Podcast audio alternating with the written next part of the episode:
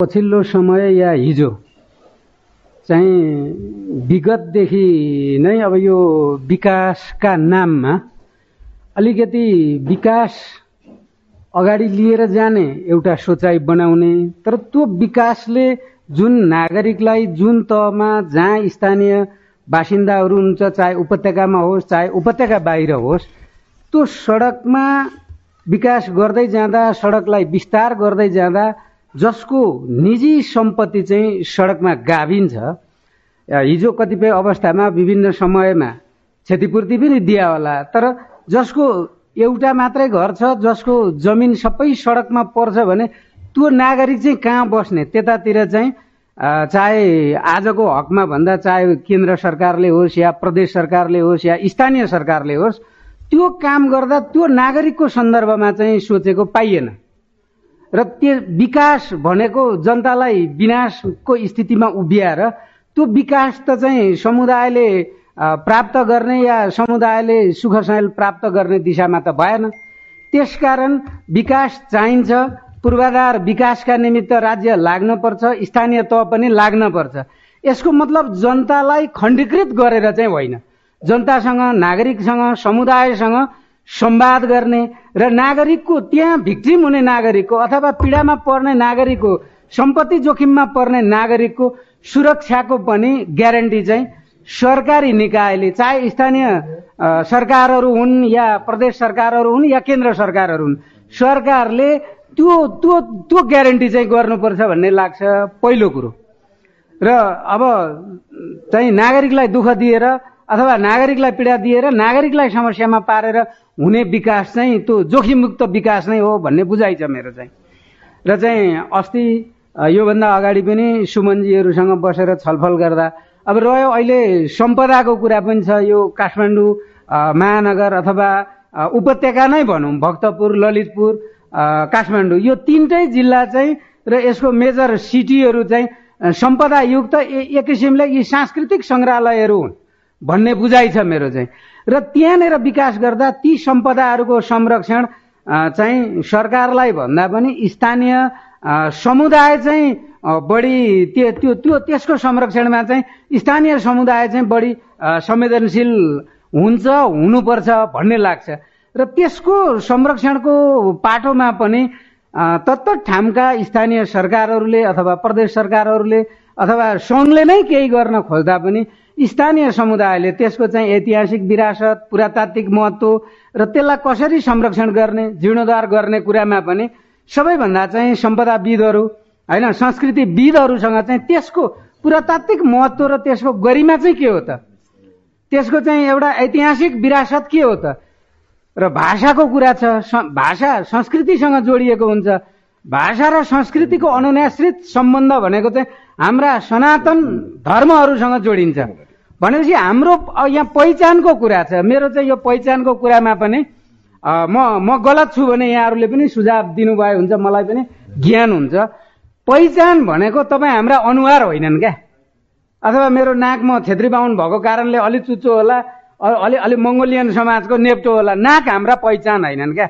आज विश्वबाट विश्वका आँखाहरू विश्वका चाहिँ खोज अनुसन्धानकर्ताहरू अथवा विश्वले हाम्रो मुलुकमा भ्रमण गर्ने कुराहरू हाम्रो चाहिँ सहरहरू भ्रमण गर्ने कुराहरू तपाईँ हाम्रा अनुहार हेर्न होइन। पहिचानको सन्दर्भमा हामीले समुदायमा बोल्ने भाषाहरू हाम्रा अनगिन्ती समुदायहरूले मान्ने संस्कार संस्कृतिहरू र त्यो ऐतिहासिक रूपमा विरासतको रूपमा कला संस्कृति र त्यहाँ मानिने रीतिरिवाजहरू चाहिँ उनीहरूलाई अनौठो लाग्ने भएर त्यसको महत्व र त्यसको पृष्ठभूमिबारे जान्न बुझ्न र त्यो कुरा चाहिँ सिक्न उनीहरू यहाँ आउने हुन् भन्ने लाग्छ। त्यसकारण आज त्यो पनि मासिने क्रममा छ। हामीले यो यो छलफल गर्दा त्यो कुरालाई त्यसकारण हाम्रा संस्कृति परम्पराहरू सम्पदाहरू चाहिँ हाम्रा अमूल्य सम्पत्ति हुन् क्या। यो सम्पत्तिको संरक्षण गर्न पनि यो फोरममा बहस भयो कि भएन अथवा यहाँ कुराकानी उठ्यो कि उठेन र चाहिँ म सुमनजीले यो यो मुभमेन्ट अथवा चलाउँदै गर्दा यो नेतृत्व गर्दै गर्दा होइन चाहिँ म के अनुरोध गर्छु उहाँहरूसँग यहाँका संस्कृतिविदहरूसँग सम्पदा चाहिँ प्रेमीहरूसँग भने त्यो कुरालाई पनि एउटा गुरु योजनाको रूपमा होइन तत्त भक्तपुरमा होस् ललितपुरमा होस् महानगरमा होस् त्यसलाई चाहिँ एउटा गुरु योजनाको रूपमा सरकारसँग माग गर्ने र त्यो त्यो विषयलाई कसरी संरक्षण गर्ने? र चाहिँ यहाँ हठात बेरोजगारको नाममा सडक अकुपाई गर्ने कुरासँग म चाहिँ व्यक्तिगत रूपमा पनि कहिल्यै सहमत छैन।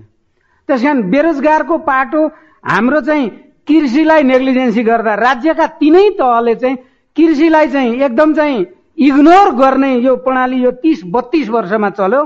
त्यहाँभन्दा अगाडि नेपालमा यो स्थिति थिएन। पैँतिस छत्तिस सालको स्थितिलाई हेर्ने हो भने हामी कृषि उत्पादन चाहिँ बाहिर निर्यात गर्थ्यौँ। आज हामीले हरेक एउटा ढिँडे खुर्सानी पनि आयात गर्नुपर्छ। के हाम्रो माटोमा केही फल्दैन। त्यसकारण सङ्घ सरकार प्रदेश सरकार प्रदेश सरकारहरू आफै आफैमा कृषि उत्पादनमा निर्भर हुने हो भने हाम्रो काठमाडौँमा चाहिँ काफल बेच्न जाम लाग्ने ठेलागाडा सडकमा लाइन लाग्ने कुराको अन्त्य हुन्छ भन्ने लाग्छ। यतातिर चाहिँ हामीले यो यो यो कुरामा पनि केन्द्रित गर्न पर्छ। एउटा राष्ट्रिय मुभमेन्ट चलाउने भनेको यहीँ काठमाडौँको चाहिँ बाह्र पन्ध्रवटा वडा अथवा कोर सिटी मात्रै केन्द्रित नहोस् पनि भन्छु म सबै दाजुभाइहरूलाई। यो राष्ट्रिय रूपमा बोल्नुहोस् यी मुद्दाहरू। संस्कृति सम्पदाका कुराहरू बाहिर पनि छन्। त्यसलाई चाहिँ कलेक्टिभली अझ जति सक्दो हामीले चाहिँ फराकिलो यो यो घेरालाई चाहिँ जति सक्दो फराकिलो गराएर लिएर जान सक्छौँ। यसले कम्तीमा हामीमाथि बाह्य हस्तक्षेप सांस्कृतिक रूपमा हस्तक्षेप धार्मिक रूपमा हस्तक्षेप भइराखेको कुरालाई पनि क्रस काउन्टर गर्न चाहिँ मद्दत पुग्छ।